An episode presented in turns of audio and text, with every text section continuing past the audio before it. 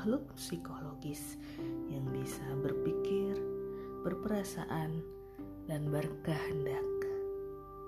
Perilaku manusia merupakan integrasi atau kesatuan yang tidak terpisahkan antara komponen utama yaitu pikiran, perasaan, tindakan, dan kondisi fisik. Sinergi keempat komponen utama perilaku tersebut bisa tercapai bila semuanya mencapai kata mufakat atau semuanya kompak. Komponen pikiran sebagai koordinator bertugas memimpin komponen lain sehingga tampilan perilaku yang akhirnya muncul atau nampak dalam aktivitas nyata menjadi lebih terkendali. Artinya, dalam keadaan normal, pikiran membuat keputusan tentang perilaku yang ditampilkan. Komponen perasaan merupakan komponen perilaku yang bersifat impulsif dan subjektif fluktuatif atau berubah-ubah tergantung pada situasi sesaat. Kondisi ini dilatar belakangi oleh komposisi hormonal di dalam tubuh yang secara umum kita kenal dengan sebutan temperamen. Perasaan dapat mempengaruhi perilaku manusia di keseharian, bahkan tanpa menunjukkan wujudnya secara kasat mata. Kita dapat mengetahui kehadirannya. Kita juga dapat mengalami keberadaannya tapi sering kali kita tidak dapat secara tepat menggambarkan, membuat definisi atau pemaknaan harfiah tentangnya. Komponen lainnya yaitu tindakan sangat erat hubungannya dengan kedua komponen tadi. Tindakan merupakan komponen perilaku yang paling kelihatan secara kasat mata tapi juga paling bergantung pada komponen lainnya. Kondisi fisik pun mempengaruhi seseorang bertindak. Kondisi fisik membuat perilaku jadi nyata, karena tanpa dukungan kondisi fisik yang sesuai dan memadai, maka perilaku juga tidak akan pernah dapat menunjukkan eksistensinya atau keberadaannya. Seseorang sering kali tidak tersadar akan keempat komponen yang saling mempengaruhi perilakunya. Bahkan sering kali sosok perasaan yang kian sering menguasai dan mengalahkan pikiran atau logika. Sehingga manusia sering kali bertindak impulsif. Padahal keputusan yang didasari dengan emosi kerap kali mengundang penyesalan di akhir. Lalu sebenarnya ada apa dengan diri manusia yang suka bertindak sesuai dengan kehendak hatinya tanpa melibatkan logika untuk memimpin situasi?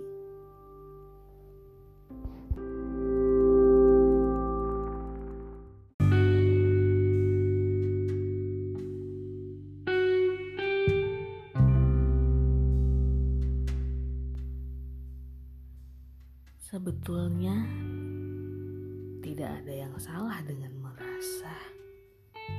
Manusia lahir dengan kemampuan merasa, namun juga dibekali logika yang tentunya hadir untuk saling menyeimbangkan. Bukankah akan jadi aneh bila ternyata manusia diciptakan hanya dengan bekal pikiran, namun tanpa kemampuan merasa? Begitu juga sebaliknya, bila manusia diciptakan hanya mampu merasa tanpa berpikir. Manusia perlu belajar merasa untuk mendeteksi perasaan apa yang sebetulnya sedang kita rasakan. Marah atau kecewa atau sedih atau terluka atau kecewa atau cemburu atau malu atau bahagia, atau merasa tidak berdaya, dan lain-lainnya. Tentunya emosi-emosi negatif yang lama-lama dibiarkan mendominasi, disadari atau tidak, bisa mempengaruhi perilaku manusia sehingga perlu dituntaskan agar hidup kita bisa terus berjalan tanpa endapan emosi yang menghambat kehidupan masa mendatang. Dalam situasi tertentu, kadang manusia sulit mendefinisikan apa yang sedang dirasakan, sehingga kabut-kabut perasaan menutupi pikiran rasional yang sebetulnya memakan diri perlahan-lahan.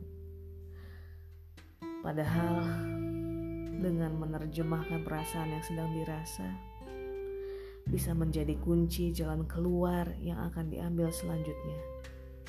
Kita sebagai manusia di era milenial sekarang ini begitu sibuk melakukan rutinitas layaknya sebuah robot hingga membuat sering menjadi lupa lalu menjadi skeptis terhadap perasaan diri sendiri. Namun di satu sisi lebih mengandalkan perasaan dalam mengambil keputusan atau kita sebut suka baper. Padahal mengelola perasaan bisa menjadi kunci kebahagiaan kita di hidup ini. Tidaklah kita sadari kalau kita bisa jujur dengan diri sendiri. Kita bisa menemukan kunci pengenalan dan solusi emosi yang sedang kita hadapi. Terkadang kita memang suka memenjarakan perasaan, menyangkalnya, bahkan diam-diam malah merawatnya di dalam jiwa hingga menjadi emosi purba atau emosi yang lama diendapkan. Padahal hal ini bisa mempengaruhi kesehatan jiwa dan raga. Maka tak heran jika seseorang bisa mengalami psikosomatis. Istilah gangguan psikosomatis digunakan untuk menggambarkan penyakit fisik yang diduga disebabkan atau diperparah oleh gangguan mental seperti stres dan kecemasan. Psikosomatis terdiri dari dua kata, yaitu pikiran dan tubuh. Pikiran, psikik, dan tubuh soma. Jadi, secara harfiah, gangguan psikosomatis diartikan sebagai penyakit yang melibatkan pikiran dan tubuh. Dalam banyak kasus, pikiran mampu mempengaruhi tubuh seseorang hingga memicu penyakit atau memperparah suatu penyakit. Mungkin saja kebiasaan memendam perasaan berpengaruh dari pola pikir manusia yang seharusnya sudah perlu ditinggalkan. Contohnya seperti ketika kita sedang ingin menangis. Ada anggapan kalau orang menangis itu cengeng, tidak kuat, atau lemah. Sehingga tidak heran kalau akhirnya kita sendiri yang menghambat diri ini untuk merasa. Sehingga kita sendiri yang tidak memanusiawikan diri sendiri. Emosi-emosi kita sebetulnya bisa diluapkan dengan cara yang aman dan nyaman tanpa merugikan diri sendiri dan juga orang lain. Hanya saja kita perlu mengenal diri sendiri lebih dalam hingga akhirnya bisa tahu cara yang tepat untuk meluapkannya.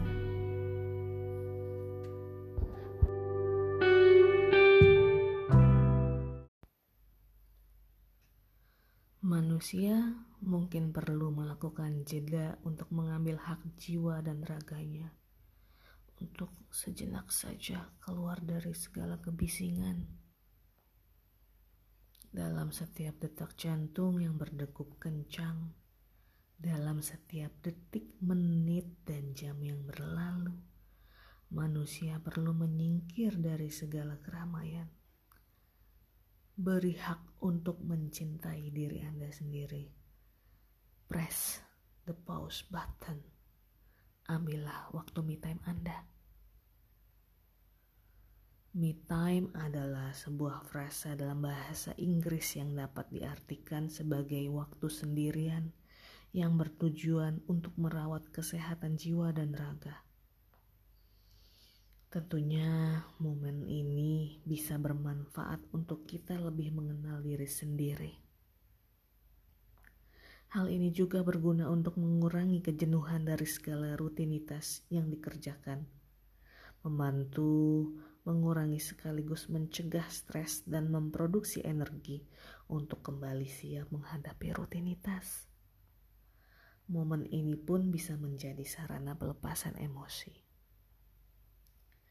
Time masing-masing orang bisa berbeda karena tiap orang mempunyai kebutuhan dan gaya yang berbeda dalam mendefinisikan me itu sendiri. Setiap manusia pun unik, punya kebutuhan yang berbeda-beda. Seperti halnya seorang pekerja kantoran yang mungkin menggunakan me time mereka jauh dari urusan pekerjaan. Sedangkan untuk ibu rumah tangga, bisa saja me time yang mereka gunakan terbebas dari urusan pekerjaan rumah. Berbeda lagi dengan yang lain, ada yang menjadikan ibadah sebagai me time-nya mereka. Semua orang punya cara bebas memanfaatkan momen jeda mereka dengan gayanya masing-masing sesuai dengan pemaknaan me time ini sendiri. Kembali ke persoalan pengenalan emosi.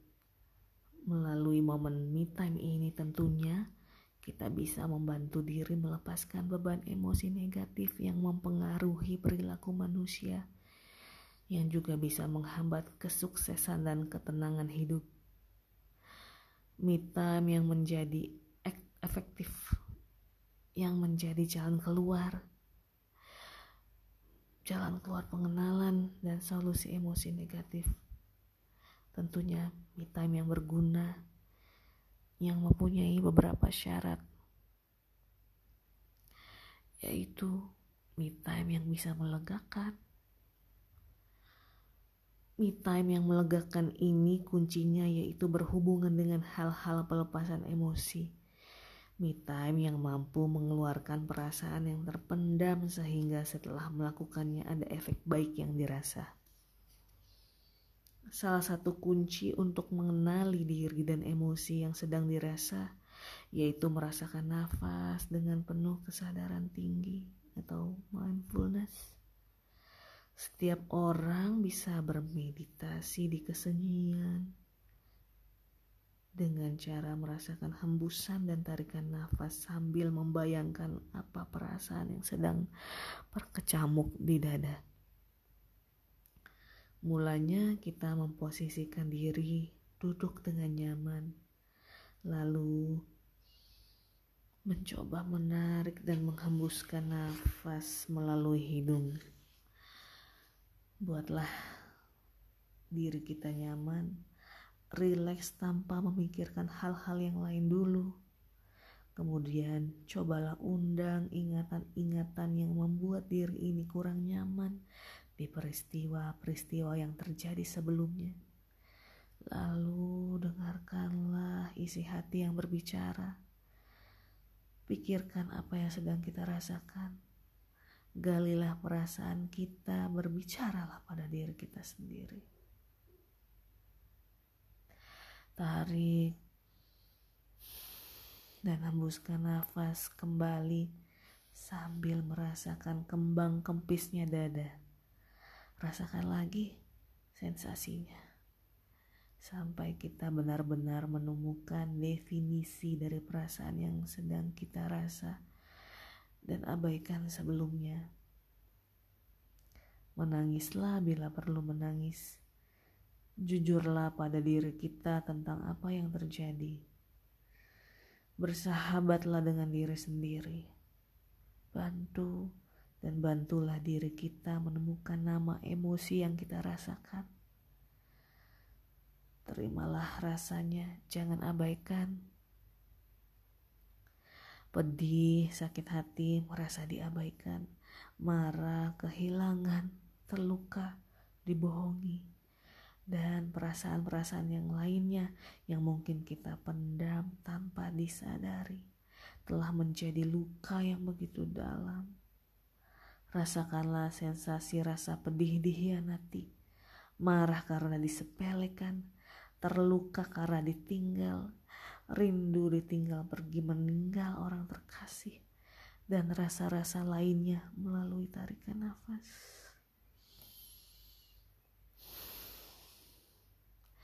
Lalu cobalah buang jauh-jauh sampah emosi tersebut dari diri kita melalui hembusan nafas. Bila kita sudah berhasil menemukan definisi perasaan yang kita rasakan, kita bisa masuk pada tahap selanjutnya. Mencoba mensyukur, mensyukuri nikmat dan memaafkan. Tarik dan hembuskan nafas kita kembali. tentunya dengan penuh kesadaran dan rasakan terus sensasinya.